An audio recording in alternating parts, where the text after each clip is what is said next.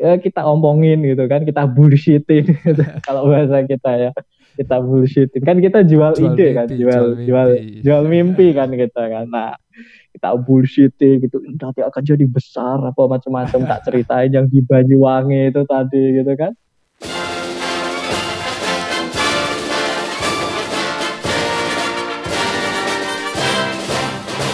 Oke, balik lagi dengan saya Haris di podcast Kakek Takut. Di episode kali ini, kita akan ngobrol dan juga ngulik-ngulik soal experience bisnis tamu kita hari ini. Dan teman saya ngobrol hari ini adalah uh, seorang CEO dan juga founder dari salah satu tech startup yang ada di Surabaya. Nanti kita akan ngobrolin startup apa yang sedang dia running saat ini dan juga mungkin ya experience experience apa yang bisa dia bagi buat teman-teman pendengar KT Podcast yang ingin running sebuah bisnis. Tapi kalau teman-teman semua mau tanya bisnis apa yang bagus atau cepat mendatangkan keuntungan, ya jawabannya cuma satu, yaitu bisnis yang dijalankan kalau kata almarhum Bob Sadino. Karena ya ketika teman-teman semua sudah membuat seperti ya bisnis plan, bisnis model kanvas, dan lain sebagainya di atas kertas tanpa mencoba untuk mengeksekusinya, ya tentu nggak akan ngasilin sesuatu seperti yang kalian harapin. Jadi menurut saya, kunci utama dari running sebuah bisnis atau berencana uh, menjalankan sebuah bisnis yaitu eksekusi. Setelah itu baru evaluasi. Oke, Gak usah terlalu lama lagi saya ngomong sendiri soal bisnis karena semakin ngelantur. Langsung aja kita sapa tamu episode hari ini. Ini dia Dr. Rizwan dan Nurisa. Halo. Wih, halo halo halo halo. Halo semua. Wah, ini Bro Karis ini. Apa kabar, Bro? Alhamdulillah baik. Gimana kabar? Gimana kabar? Mantap. Wah, saya uh, ya baik juga. Ya, ya baik, baik, baik baik saya. Yang penting sehat harus selalu ya. baik. Gitu. Oh iya jelas. Baik saja tidak cukup, sehat ya. Okay. Harus. Tidak COVID. Oke, oke, Kenalin dulu dong ah. uh, soal background, terus uh, pendidikan, kayak kayak gitu ke teman-teman pendengar uh, kakak takon hari ini. Oke, okay. ya. Uh, selamat malam pendengar KT Podcast. Nah, jadi Yo, nama saya Rizwanda. Nah, saya ini uh, sekolah dokter. Jadi lulus pasti jadi dokter. Nah, nggak mu nggak mungkin nggak mungkin sekolah FK lulus jadi uh, technician gitu atau pindah jadi desainer gitu nggak ada. Iya, iya. jadi jadi lulus FK pasti jadi dokter. Nah, uh, saya temen sama si Karis ya bro kita uh, ketemu banyak di anu ya lomba-lomba ya oh, kita iya, jelas, ya. Jelas. Ah, jadi uh, saya dokter, saya juga belajar bisnis gitu dan banyak juga belajar dari Bro Karis sebenarnya. Jadi ah, itulah uh, background big, big, big, ya saya merendah untuk meroket kan begitu. ya itu. Jadi nanti sambil kita ngobrol pasti kenal lah lebih jauh. Ya bro ya? Yo One. Oke. Okay. Next ya. Mm. Kamu tadi kan uh, bilang kalau background pendidikanmu itu sebenarnya ada di kedokterannya ya? Betul. Nah, nah, kenapa kok pada akhirnya kamu lebih memilih menjadi uh, seorang entrepreneur daripada benar-benar mengabdi menjadi dokter? Kamu ini sebenarnya dokter apa kamu kelompok kapitalis? Anda kapitalis. Waduh. Waduh. Oke, oke, oke, oke. Aduh, pertanyaan berintro ini jadi kayak nonton mata najwa ya kita ya. Oke. Okay. Uh, eh, tajam ya. Oke, okay. ya udah. Uh, langsung dijawab ini atau jawab gimana? Jawab. jawab. Oke, okay, langsung dijawab. Oke. Okay. Jadi uh, benar banget bro. ya ini sebenarnya soal impact sih. Sebetulnya soal impact kan seperti yang tak sampaikan di awal tadi ya. Uh, sekolah FK pasti jadi dokter. Nggak mungkin jadi yang lain. Gitu iya, kan. Benar. Nah, tapi setelah mengikuti proses fase pendidikannya yang lama. Uh, buat teman-teman yang dengerin, uh, sekolah FK itu lima setengah sampai enam tahun. Itu, itu baru bisa sampai buka praktek ya? Belum bro, oh, belum. itu oh. itu baru uh, uh, selesai UKM PPD kalau nama kita apa ya selesai ujian nasionalnya dok dokter itu loh. Oh, alah. Ah gitu. Jadi itu ya lima setengah sampai enam tahun itu kan. Nah habis itu buat uh, praktek. Nah praktek itu mesti satu tahun lagi. Jadi ya bahasanya sih pengabdian gitu kan. Tapi kalau dirasa-rasain ya ya sedikit maksa juga gitu karena kalau nggak melewati itu Eh, nggak dikeluarkan surat prakteknya gitu.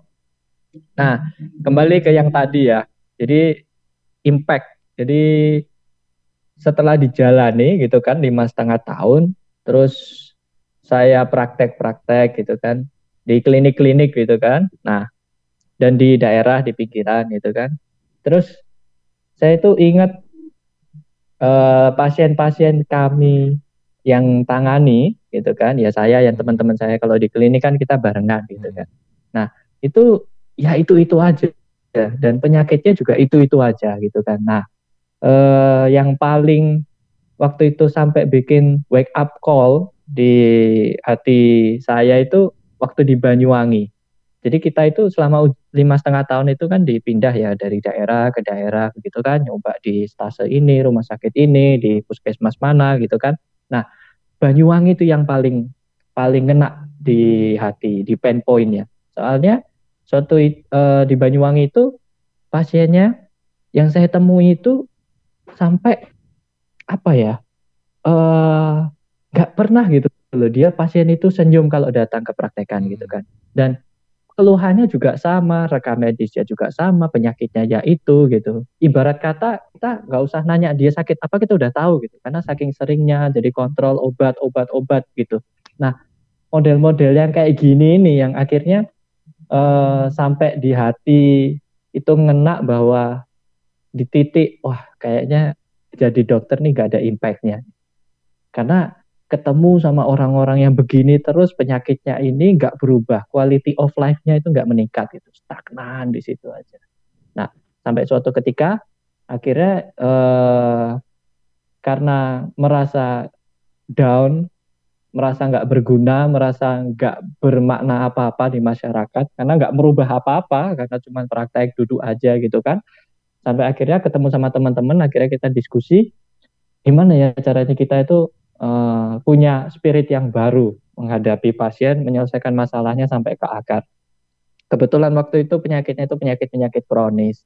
Dan akhirnya kita coba home care waktu itu. Iseng aja coba home care dan berhasil pasien yang datang itu ibu-ibu to be specific ya usianya sekitar 65-an tahun itu kan belum ya 65 eh udah anak cucu banyak tinggal sendiri tapi karena uh, ya mohon maaf kan uh, suami sudah nggak ada begitu kan tinggal sendiri anak jauh gitu kan.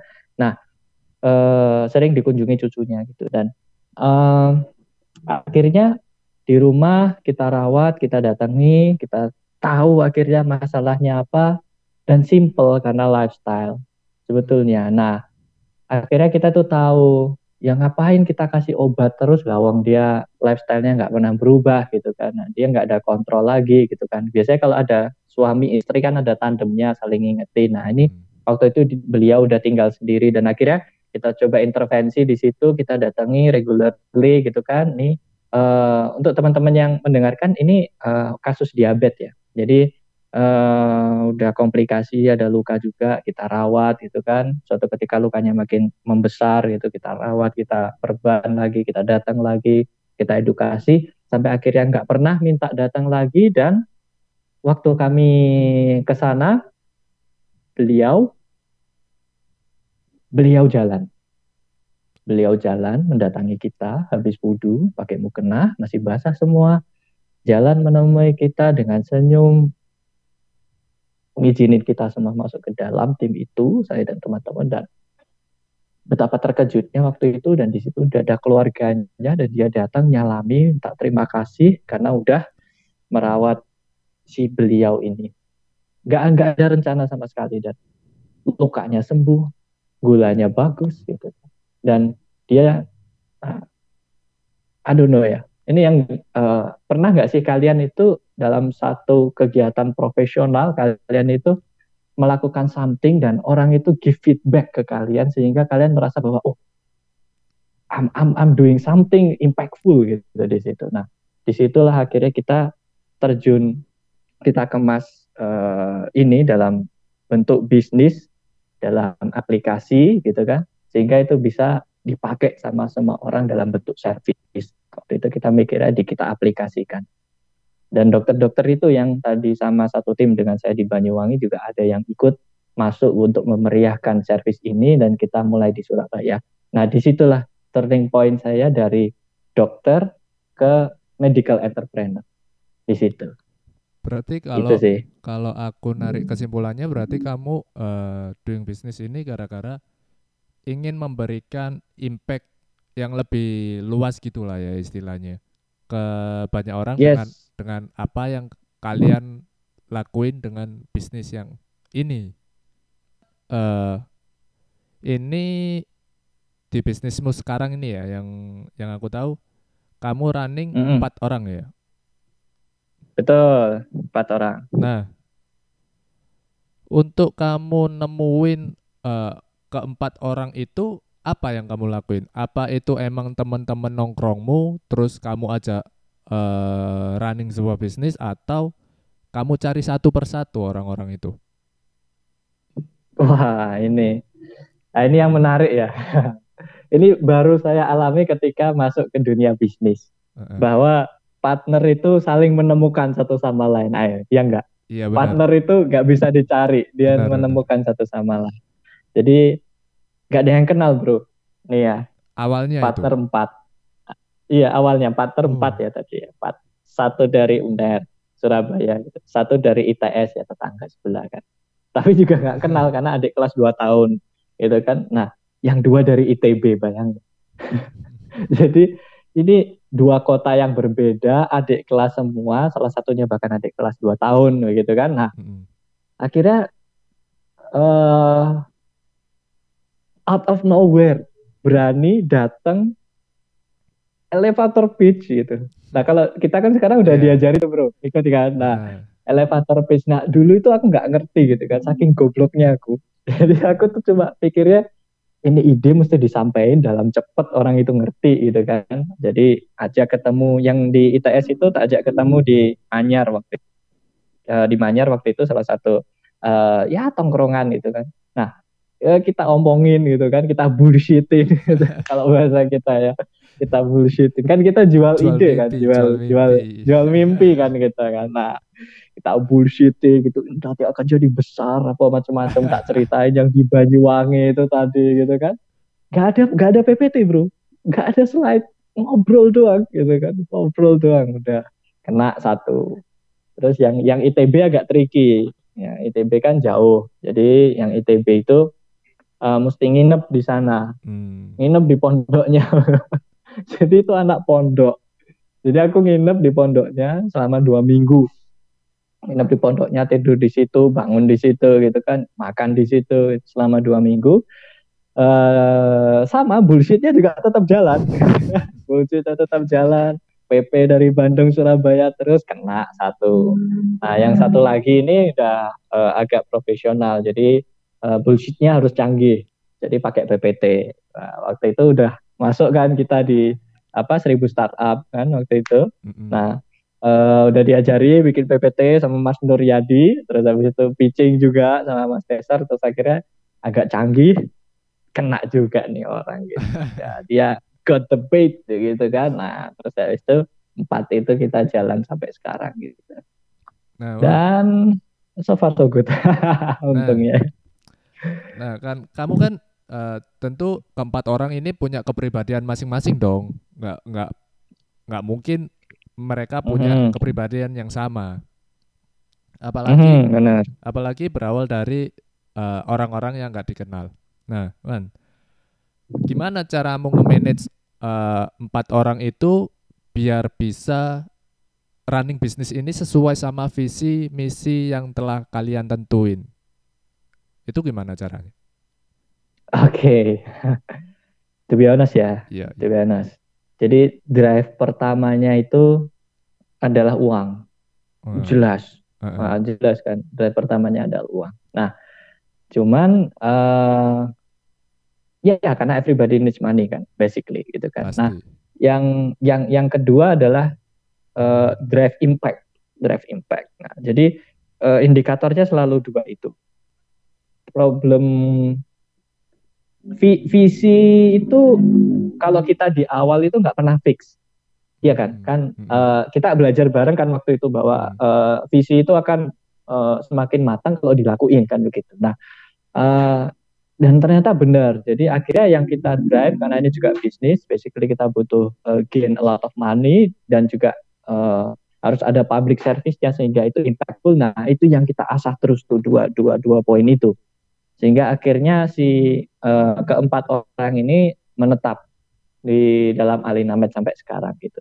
Uh, maksudnya duit bukan berarti langsung cash ya, kan kan hmm. uh, kan bisa apa uh, smart investment contohnya kan kita tiba-tiba nih tiba-tiba karena timnya strong ketemu sama ya kita coba aja sama angel investor gitu kan terus sama partner apa ya industri ekspor gitu kan nah kadang mereka lihat juga dari sisi duitnya itu uh, value-nya itu bukan duitnya juga ya value-nya itu dalam bentuk orang. Jadi orang ini uh, valuable nih gitu kan bisa nih gitu kita invest waktu dan sebagainya gitu kan. Sehingga nanti in juga ujung-ujungnya menghasilkan duit yang banyak kan gitu.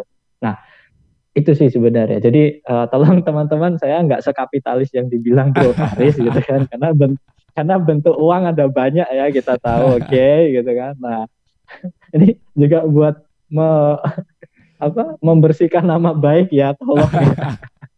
Gitu sih. Ya kira-kira gitu. Uh, oke. Okay. terus uh, sejauh ini ya kamu ini kan udah hmm. udah running berapa lama sih?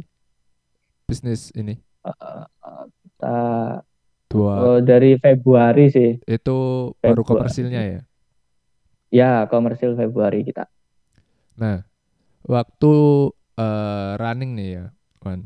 Waktu running mm -hmm. bisnis ini start, startup ini, mm -hmm. pernah nggak sih uh, kejadian kayak timbul konflik internal kayak misal gara-gara ego salah satu anggota yang nggak bisa di sedikit diturunin terus atau gara-gara ada uh, perbedaan pandangan soal sesuatu, akhirnya timbul suatu konflik internal. Nah, pernah nggak sih kalian itu mengalami atau ada di titik tersebut dan gimana kamu sebagai CEO itu buat uh, ngatasin masalah-masalah kayak gitu? Oke, waduh, berat ya bro ya. malam-malam dapat pertanyaan kayak gini. Ini kalau nggak brokar sih oke okay. ya oke okay, ya tak jawab. Aduh ini uh, tolong nanti fee-nya ditambah. siap, siap, dokter. tolong ya, tolong ya, tolong ya. Aduh, ini pertanyaannya buka-buka kartu semua. ya oke okay lah. Gini, uh, problem kita itu sebetulnya uh, untuk yang internal itu cuma di awal-awal kok bro. Hmm. serius. Di awal-awal. Jadi uh, kita itu uh, lebih banyak itu eksternal to be honest ya. Hmm. karena kan empat orang itu tadi kan yang satu adik kelasku dua tahun. Yeah. nah yang dua ini kan uh, adik kelas satu tahun. Nah uh, ketika mereka lulus kerja dong Iya dong. Uh, mereka ditawarkan, uh, ditawar apa kok gak enak bahasanya. Di di bid lah, di bid, yeah, di bid sama perusahaan gede gitu. Yang lebih Waktu mapan itu, lah ya. Iya gitu. Jadi Iya, jadi uh, di satu eh jadi salah satu co-founder gue ini sebetulnya dia uh, sama kayak aku gitu kan, hmm. orang nggak nggak mampu-mampu banget juga sebetulnya kita hidup di desa juga. Dia dari Tuban gitu. Uh, dia dari Jogja aku dari Tuban gitu kan. Sama. Nah waktu itu uh, dia juga punya pacar, dia mau nikah gitu kan. Dan si si, si anjing ini dari Singapura ini dia ngebit ngebit gaji sampai double digit bayangin ya. Nah, ini dan apa ya? Proses wawancaranya itu waktu kita lagi uh, getol-getolnya nge-build aplikasi pun bayangin kayak apa. Jadi, jadi ini waduh waktu itu gimana ya? Akhirnya dia ngomong baik-baik gitu kan sama aku ini ya ada gini nih ada si anjing dari Singapura nih mau nawarin kerja gini. Terus ya udah gimana? Akhirnya direlakan gitu. Nah itu satu. Terus yang satu lagi juga sama eh, tapi nggak di luar negeri di nasional dia kerja gitu kan di Semarang gitu nah eh, tapi gini teman-teman akhirnya karena waktu itu keputusan yang diambil akhirnya ya sudah karena ini kemanusiaan di mm-hmm. kita berikan dia kesempatan untuk berkembang akhirnya waktu kita sebelum Februari itu kan mau bikin PT karena uh, harus punya PT dong kalau yeah. mau komersialisasi. Nah, waktu itu mereka bantu.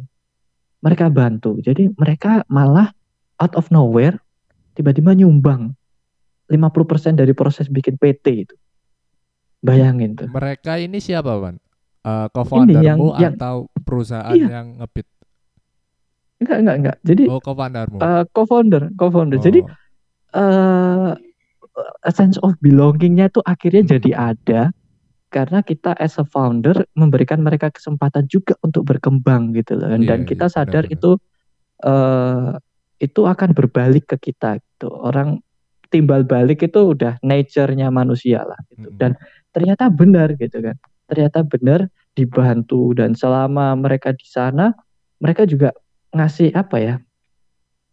Ini ada seminar nih di Singapura nih bisa virtual yuk join gitu misalnya. Oh ini gue ada temen nih di Singapura nih connect dong kayak gitu-gitu. Nah, uh, macam itulah. Jadi akhirnya uh, jadi cepat berkembang startup ya, kayak gitu.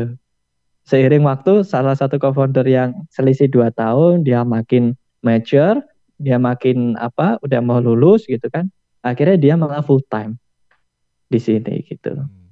Dan uh, si dua co-founderku yang kerja di luar itu part time di Alinamed bilang gini, uh, kalau nanti ini emang udah saatnya gitu kan, gue mesti balik untuk ke Alinamed, gue siap. Nah gitu dia gila nggak? Jadi kita dapat uh, tenaga kerja yang udah uh, ya kalau kerja di luar negeri wawasan beda lah sama di sini gitu dan itu jadi investasi terbesar kita. Karena kita mau sabar ngasih dia kesempatan buat berkembang di luar negeri karena dia punya tujuan yang uh, pendek waktu jangka pendek untuk menikah dan untuk itu waktu itu sebagainya. Gitu sih. Jadi uh, itu pengalamanku. Kita lebih banyak dapat yang di luar gitu. Kalau yang di dalam nggak ada. Oh. dikit. Berarti uh, kalian berempat ini nggak nggak nggak dalam satu gedung office gitu nggak ya? Justru kalian uh, kepencar di beberapa tempat buat running si bisnis ini. Iya nggak sih? Benar, benar. Oh. Nah, pertanyaan ini Wan. Gimana kamu buat ngejaga komunikasi itu biar kalian ini bisa tetap solid gitu lah?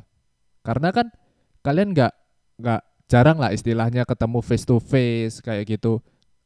Terus mm -hmm. ngobrol secara langsung, brainstorming bareng-bareng mm -hmm. secara langsung. Lah, gimana caramu buat uh, ngejalin hubungan agar kalian ini tetap solid buat ngejalanin bisnis? Oke, okay. uh, eh, jadi uh, disclaimer ya. Yeah. Sebelum ada booming WFH, kita udah melakukan dulu. Oh.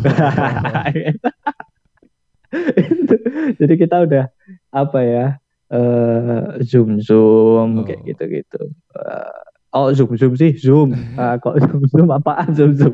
ya, jadi zoom terus apa uh, Google ini Hangout karena dulu Meet hmm. masih berbayar bro. Wah mahal dulu.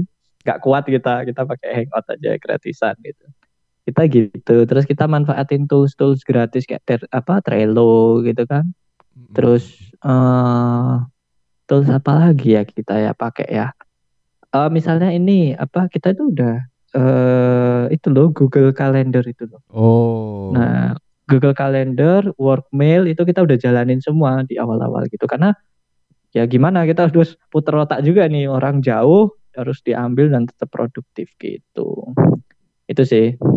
Berarti ya benar-benar kamu dan tim ini benar-benar memanfaatkan teknologi yang sekarang ini ada lah ya istilahnya kayak gitu. Iya bro, mesti growth hack gitu. Mm Gimana? Bener. Terus kan, kan ini dari tadi kita udah ngomongin soal bisnis ya.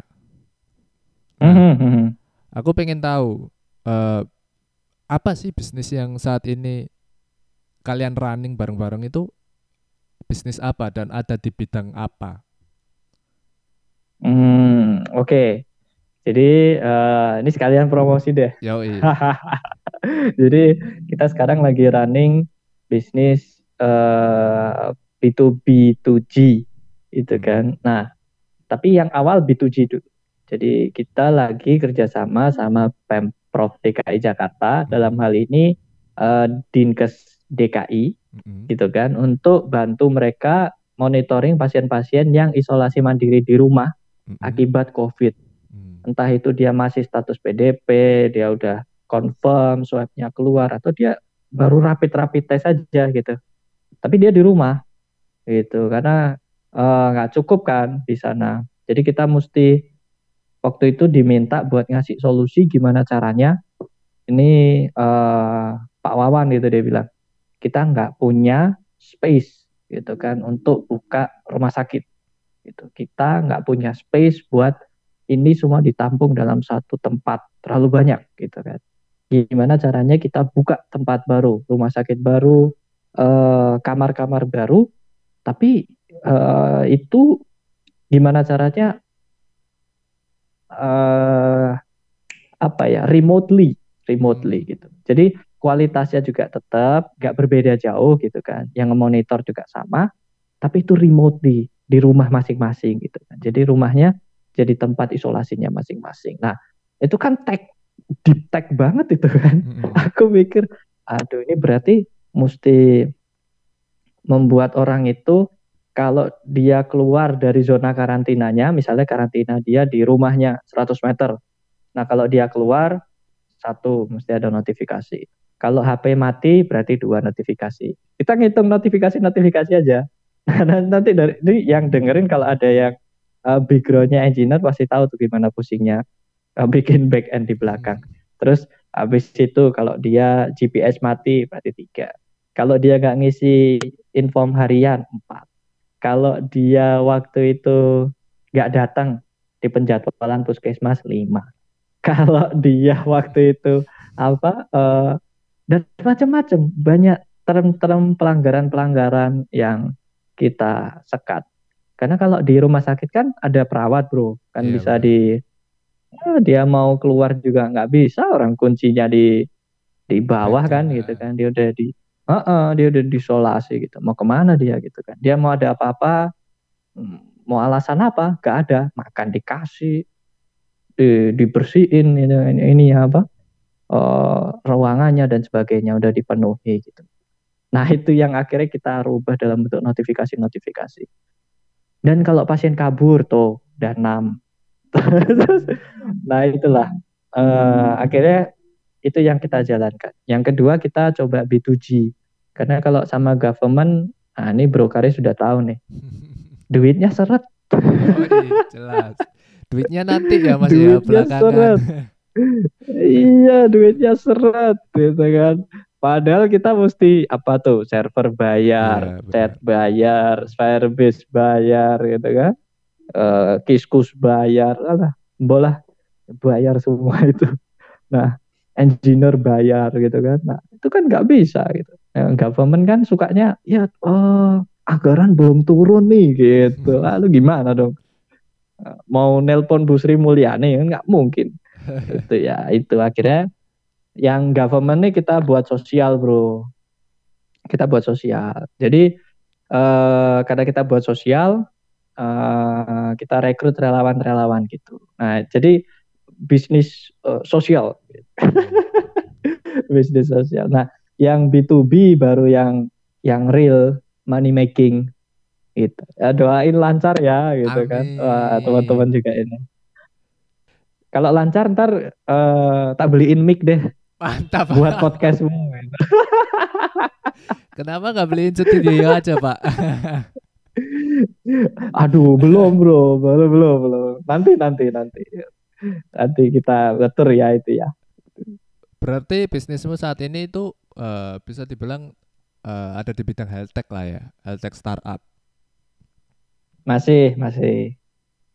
Nah, buat teman-teman nih Wan, terutama nih ya, uh, buat teman-teman pendengar KT Podcast yang mau coba atau mau pakai uh, apps kalian, apps ya, apps apa website? Uh, apps, apps. Yang oh. website uh, beda user. Oke. Okay. Nah, buat teman-teman yang mau pakai itu gimana cara aksesnya biar bisa pakai itu untuk okay. ya mereka pakai itu di mana mereka dapat atau gimana buat daftarnya? Uh, Oke, okay.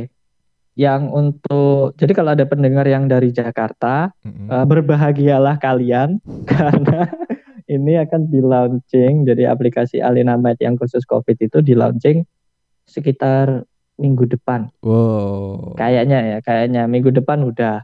Tapi yang untuk iOS ya mungkin dua minggu karena iOS nggak tahu ya bro ya lama ya iOS itu Kak, ada otentifikasi otentifikasi yeah. gitu nggak ngerti ya uh. Ya itulah gitu jadi yang untuk Android dapat dulu jadi iOS belakangan itu selisih empat hari nggak salah tiga empat hari gitu itu nah untuk yang itu untuk yang anu ya apa uh, isolasi mandiri yeah. untuk cek COVID. Jadi cek-cek COVID aja sendiri di situ, ntar terhubung sama puskesmas DKI Jakarta. Ini kan kamu mm -hmm. tadi uh, bilangnya uh, Februari ya, Februari rilis komersil. Mm -hmm. Terus kamu pernah ngobrol sama aku, ngomong-ngomong soal ini.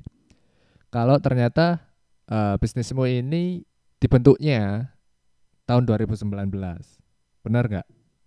Benar, benar, benar. Nah, wah masih ingat ya.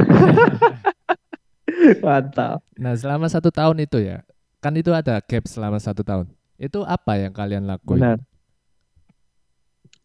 Jadi kita itu sebetulnya lama di beta testing, bro. Oh. Lama kita di beta testing.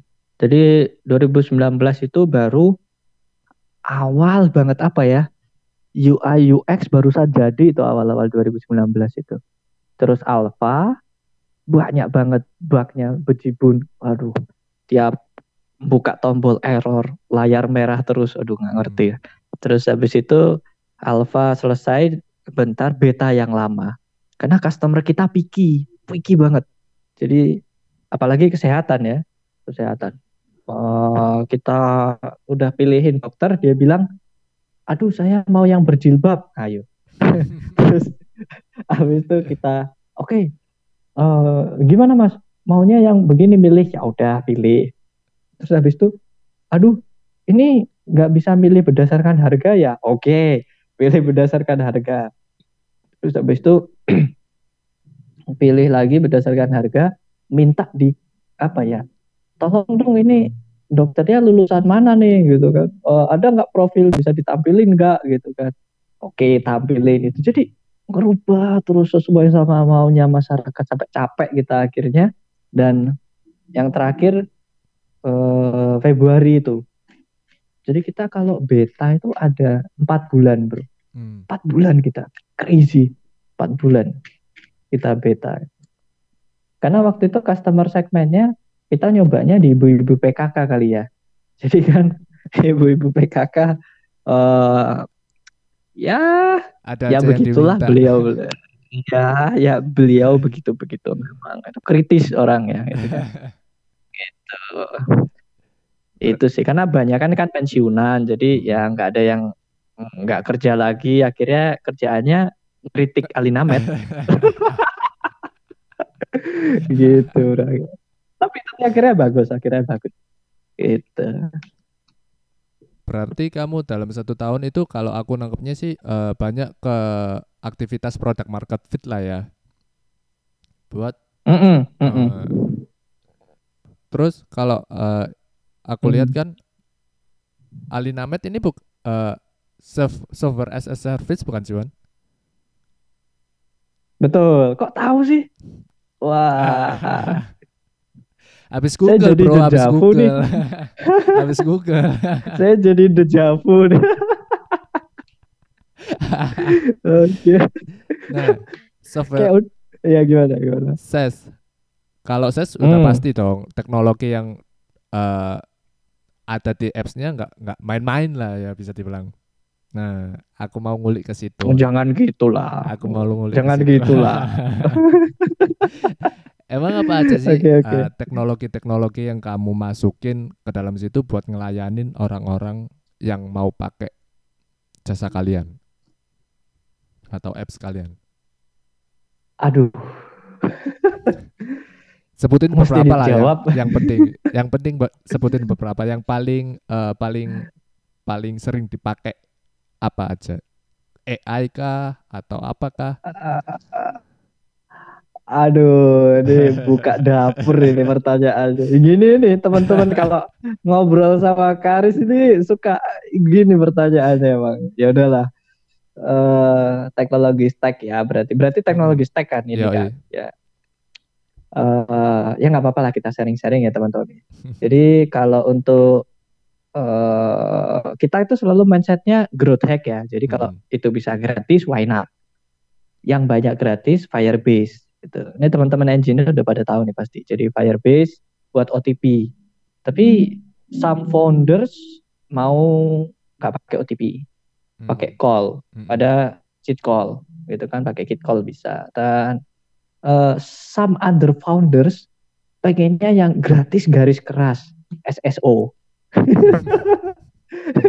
yang input email itu, Gmail Gmail itu. Nah, itu untuk yang login, terus untuk kalau servisnya ada chat, chat, chat sih, chat kita kiskus ya, kita kiskus. Tapi untuk yang awal-awal, awal-awal tuh kita WA, WA, WA kita. Oh.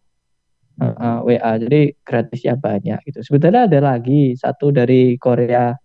Uh, waktu itu kita sempat pakai juga, aku lupa namanya.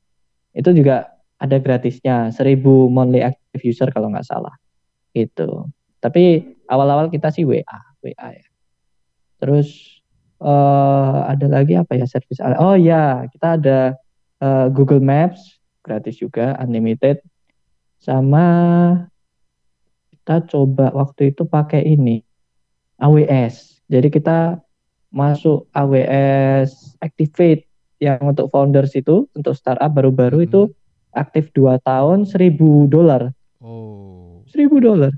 Serius. Lumayan Jadi dapat iya serius dua, buat dua tahun. Buat dua tahun tuh enak banget itu AWS. Wah gila.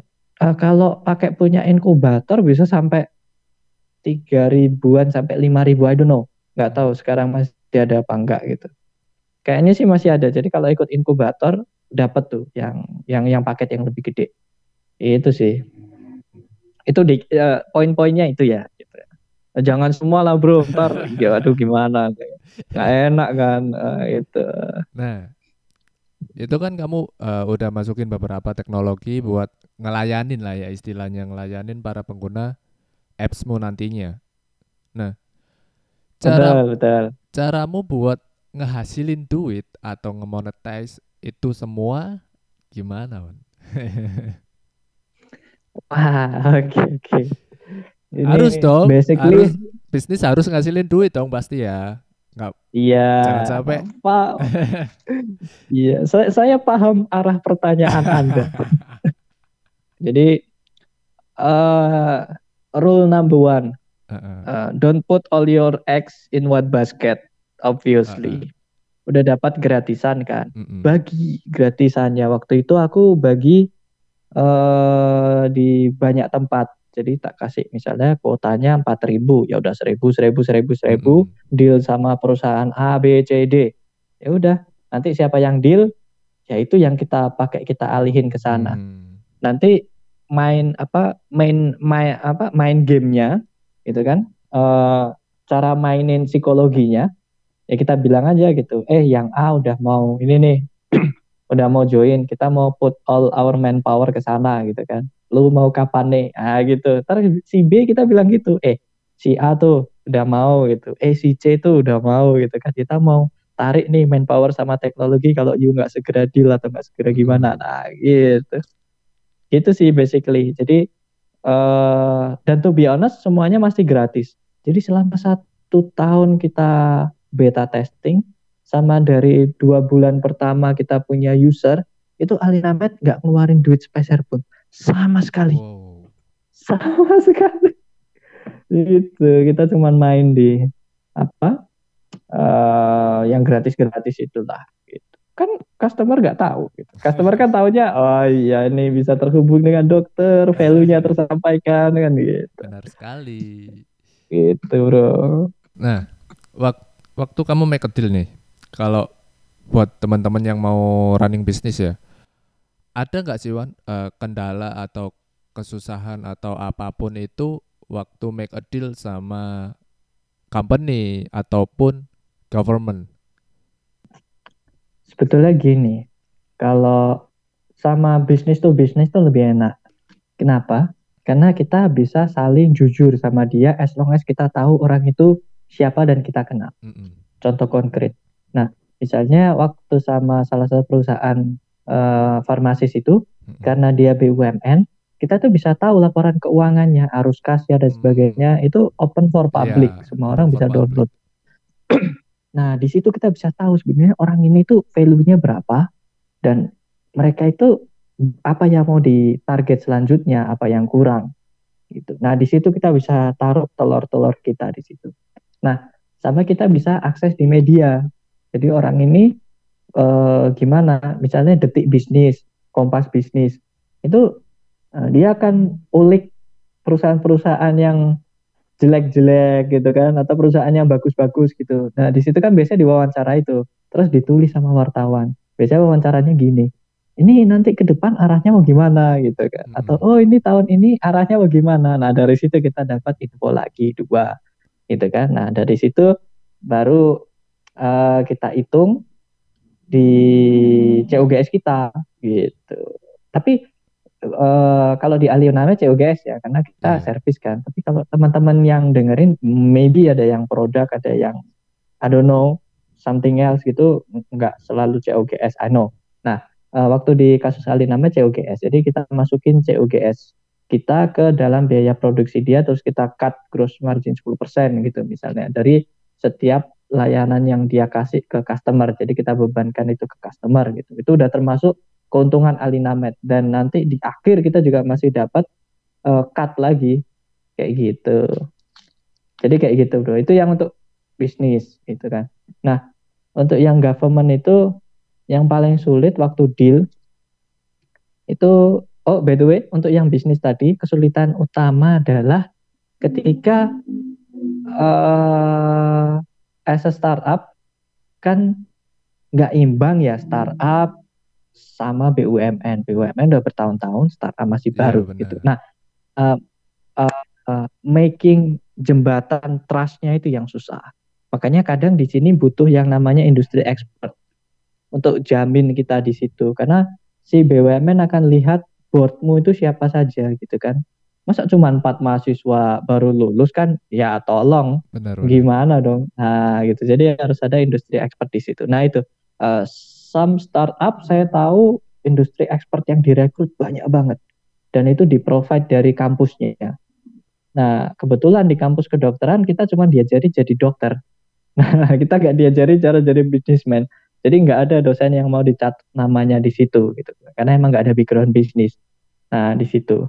Jadi akhirnya kita cari di luar industri ekspor menjembatani itu untuk uh, supaya kalau ada problem apa teknis soal bisnis, a very deep teknis conversation itu si industri expert yang akan jawab. Nah, kita yang bagian apa milik kita aja. Jadi itu akan menetralkan uh, suasana diskusi dan mood dari diskusi hari-hari kita menjelang deal. Nah untuk yang government tantangannya adalah ketika kita nggak bisa dapat orang jujur untuk ngedil sama dia. Kenapa? Uh, aku pernah sekali ya sama government, aku nggak bisa sebutkan uh, provinsi mana. Mm-hmm. Itu di awal dia bilang gini, izinkan saya untuk ngasih alinamet 10 ribu sampai 20 ribu user base. Mm-hmm. Gila nggak? Dengan cara saya, uh, tapi tolong saya dikasih uh, apa ya? Intinya dia minta saham. Oh. Gitu. Intinya dia minta saham. Nah itu di awal gila nggak? Baru pertama tuh kayak gitu. Ini belum ngomong sama si governmentnya, hmm. dia udah minta gitu. Nah itu sih kalau itu terus yang kedua kita pernah lagi lama banget gak ada deal akhirnya kita dibelokkan ke salah satu institusi yang uh, dalam tanda kutip ya ini ada sedikit politik kan akhirnya gitu kan. Nah dari situ ada lagi interest masuk kanan kiri gitu kan. Nah itu yang bikin kita nggak nyaman gitu.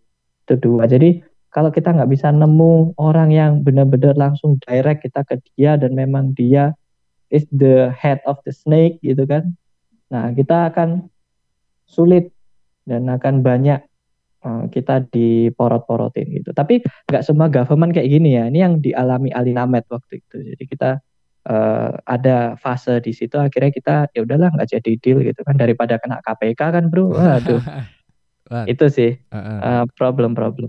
Uh, Masuk ke segmen B2B sama B2G ini kan jelas pasti beda ya. Hmm mempunyai tingkat kesulitan Betul. yang beda daripada kita masuk ke segmen B2C, business to consumer.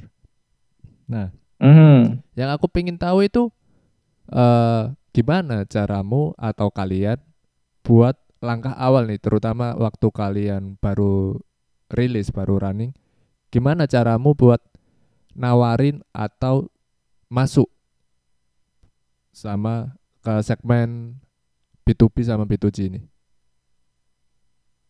Oke. Okay. Jadi uh, every customer treatmentnya beda. Iya benar. Every market market cap treatmentnya beda. Pasti. Ya, ini yang yang kita belajar bareng ya waktu itu. Uh, pertanyaan tadi untuk anu B2C apa B2B atau dua-duanya? B2B sama B2G. Gimana cara kalian masuk ke sana? B2G ya, bukan B2C ya. Sorry. Iya. Uh, ya oke. Okay. Cara masuk ke sana uh, tadi yang untuk apa uh, eh, B2B paling enak pakai industri expert. Yang uh, uh, pakai industri expert. Yang B2G B2G itu paling enak masuk pakai prestasi. Oh. Serius. Pakai prestasi. Jadi uh, oh ya buat teman-teman nih uh, yang startup awal kan sering ada apa ya istilah bahwa oh ini startup rente nih atau startup yang memburu lomba-lomba dan sebagainya gitu hmm. gitu kan kadang kalau kita bisa memanfaatkan lomba-lomba itu yang kita menangkan, kita tuh bisa loh langsung masuk ke direct ke kepala daerah. Oh. Itu. Iya, jadi uh, harus harus pinter juga gitu kan. Nah, uh, aku kenal banget nih ada startup gila pinter banget. Jadi dia habis menang satu lomba nasional startup gitu kan. Nah, dia itu langsung bisa masuk ke sana ternyata karena dia diliput sama salah satu koran paling gede di nasional. Dan bukan satu dua. Gitu. Gila nggak? Nah dari situ tadi cerita dia dari situ apa yang dia lakukan? Dia potong korannya. Terus dia bikin surat ke kepala daerah.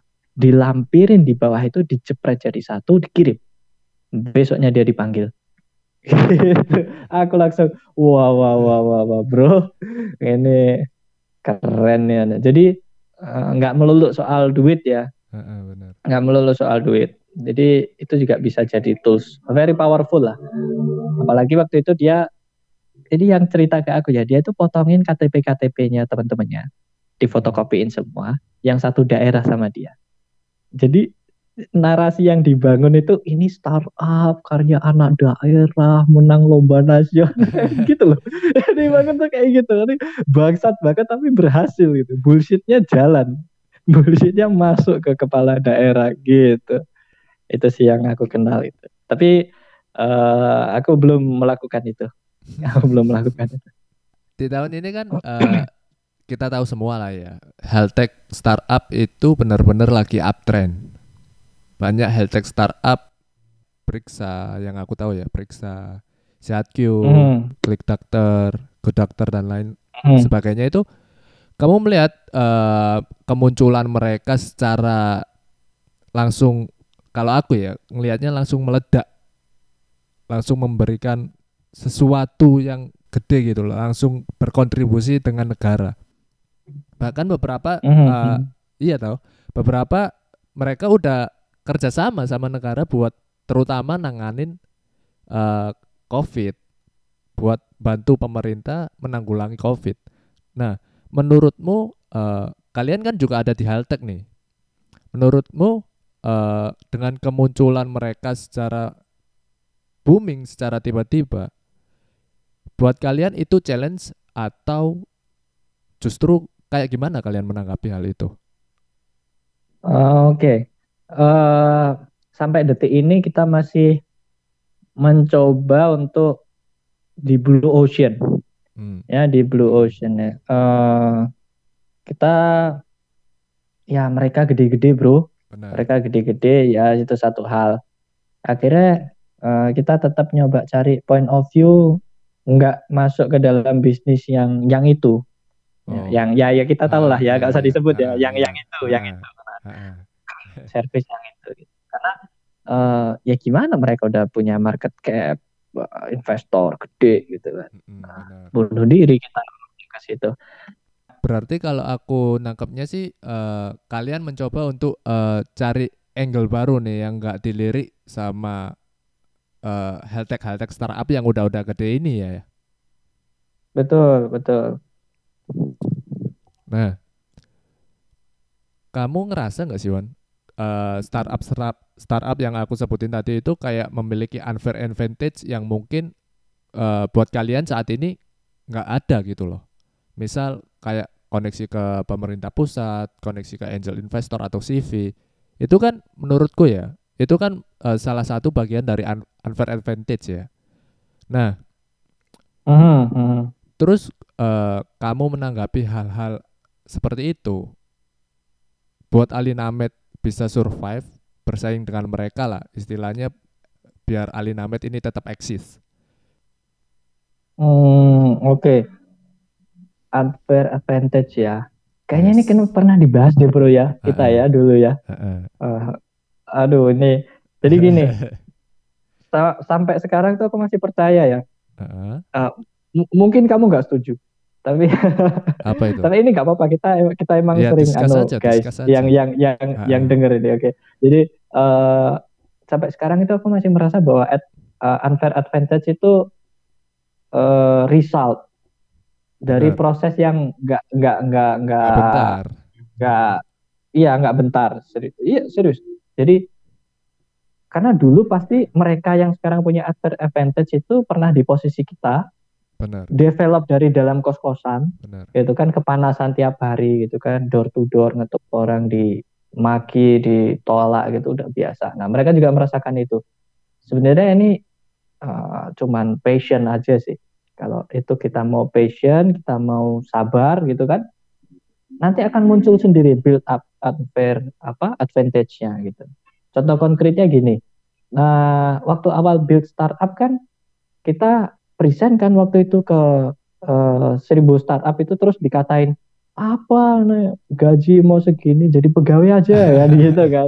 Nah nah iya toh. Terus apa market cap itu? Kamu mau 50% masyarakat Indonesia 260 juta pakai aplikasimu gitu kan. Nah, kita diketawain dan kita di pressure gitu kan. Nah, ya dari situ akhirnya uh, muncul ide yang lebih bagus dan bisa menarik uh, investor atau Yo customer. Gak usah investor lah, uh, uh, hmm. gak usah investor customer lah. Ini dulu mm, uh, industri expert. Hmm. Industri expert itu kalau ngomong dia representatif dari berapa ribu customer karena Benar. dia kerjaannya udah aja kan. Nah uh, uh. kalau kita udah bisa dapat artinya dia berarti oh maybe Nah, maybe gitu kan, mungkin 50%, 60% masyarakat akan setuju nih sama ide kita. Nah, gitu. Tapi kan itu nggak dibentuk dalam satu hari, bro. Kita bisa meyakinkan si industri expert, apalagi customer gitu kan. Itu kan dari proses kita panjang juga gitu. Sampai akhirnya tiba-tiba kita didanai gede gitu kan. Terus punyalah adver, adver apa advantage tadi gitu. Aku masih melihatnya kayak gitu sih. Jadi kalau lihat unfair advantage startup lain ya ya sabar aja ini ujian gitu.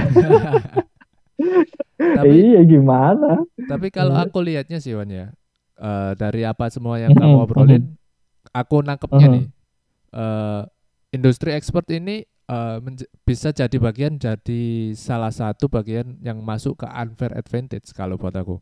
Terutama buat kita yang mau masuk ke segmen B2B sama B2G kan ya mereka uh -uh. berperan gitu loh berperan buat ya istilahnya ngelancarin jalan kita buat make a deal sama uh, segmen-segmen B2B atau B2G itu tadi kalau aku ngelihatnya sih ya uh, bisa dibilang salah satu unfair advantage lah buat terutama buat startup startup yang baru rilis baru-baru running soalnya ya nggak soalnya ya nggak gampang gitu loh nemuin industri expert yang mau rep representasikan soal bisnis kita ke halayak umum. Hmm, ya setuju sih? bro, setuju. Ya, yeah, it's a good point of view nih. Ya, yeah, setuju, setuju. Aku belum sampai ke situ sih. Gila ini visioner banget sih orang ini. Saai lu Tom. serius, serius, serius. Serius, good good point, good point. Serius, aku Iya benar juga sih. Iya iya benar benar benar. Jadi adver advantage itu nggak cuman anu ya, market cap ya berarti. Benar. Ngomongin hmm. unfair advantage itu bukan hal yang kita tentuin atau ciptain waktu kita mau running bisnis. Jadi kalau buat aku hmm. unfair advantage ya kayak yang kamu bilang ada prosesnya. Nggak bisa langsung kita comot kita masukin ke comot dari uh, startup lain terus kita coba masukin atau implementasikan ke startup kita.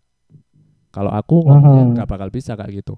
Kita punya cara sendiri buat nemuin atau nentuin unfair advantage yang nantinya buat bahan kita atau buat kita jadi lebih sedikit lebih unggul daripada kompetitor kalau aku nanggepinnya. Oke, Man. Oke, oke. Terakhir nih yeah, ya. Yeah, yeah, terakhir. Benar, benar. sekalian menjadi pertanyaan ah. penutup setelah ini okay, okay.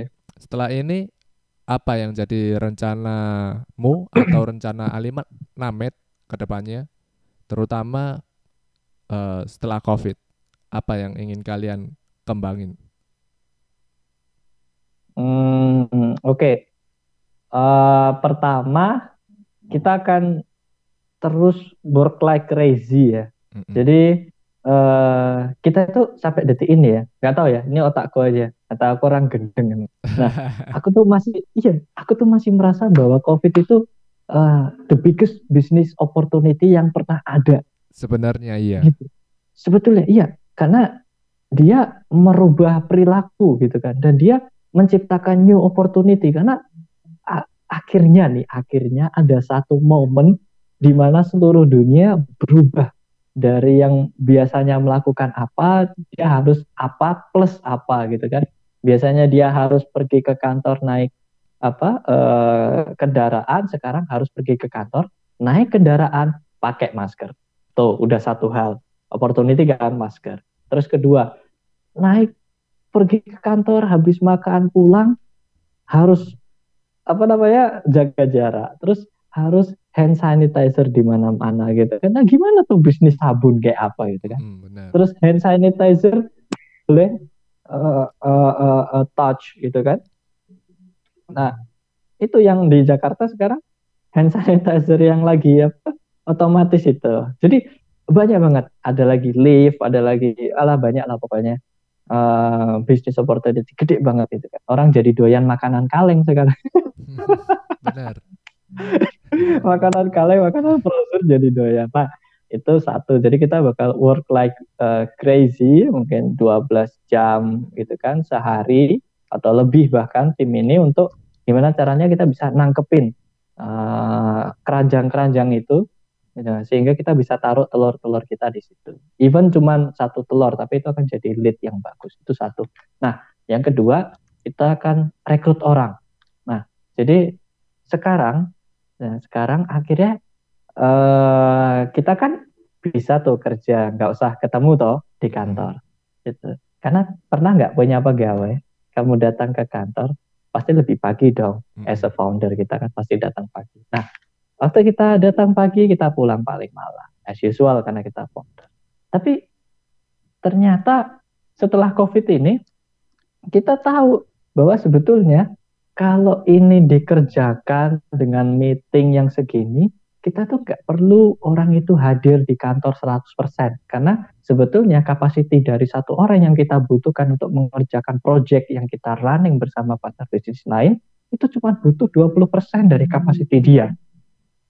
Nah, karena kita cuma butuh 20%, tapi kita waktu itu belum ada COVID, jadi kan kita kerja as usual hiring 8 jam sehari gitu.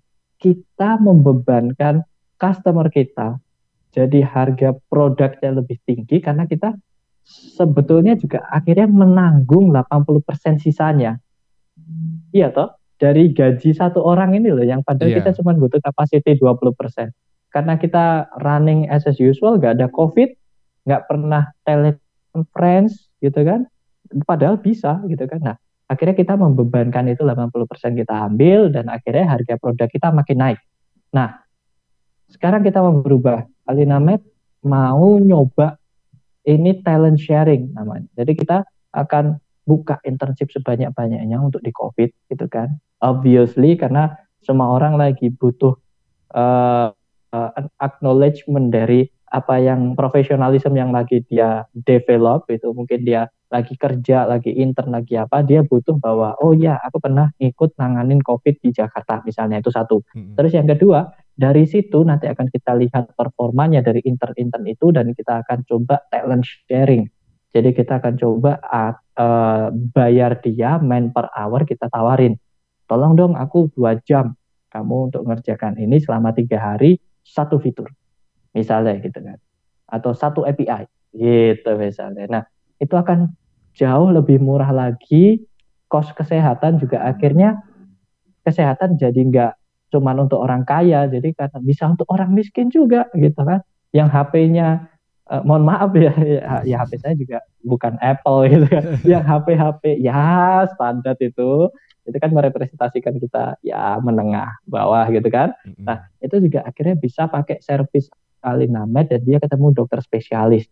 Karena apa? Servisnya murah. Kenapa murah? Karena kita pakai talent sharing, kita nggak membebankan semua uh, semua cost dari operasional itu ke pasien karena kita cuma pakai spesifik 20%, kita cuma pakai 4 jam dari satu orang selama tiga hari, besok lagi kita tambah lagi. Nah, begitu. Nah, dari situ nanti akhirnya kita bisa bantu pemerintah juga untuk gimana caranya supaya cepat ekonomi ini naik gitu kan. Kan habis ini uh, kalau semuanya masih uh, pakai eh biasa prinsip ekonomi biasa you know yang dia harus hire 8 jam gitu. Akhirnya kan harga nggak berubah nggak yeah. turun tapi malah naik kan harga servis. Padahal masyarakat kita habis babak belur nggak bisa kerja habis kena covid. Nah itu gimana dong? Nah kayak gitu. Jadi kita uh, as a new startup ya Linamet mau bikin ya improvement dikit di situ soal talent sharing. Hopefully hopefully kita bisa tekan harganya bisa lebih murah kita juga bisa kasih intern itu yang banyak pengalaman, dia dapat sertifikat mungkin dari Pak Gubernur atau siapa, dan dia bisa juga belajar talent sharing. Karena ini udah uh, udah common banget. Twitter udah ready loh, dia work from home, pakai talent sharing. Unilever juga sama, gitu. Nah, iya, dia iya. habis white label salah satu startup gitu. Itu sih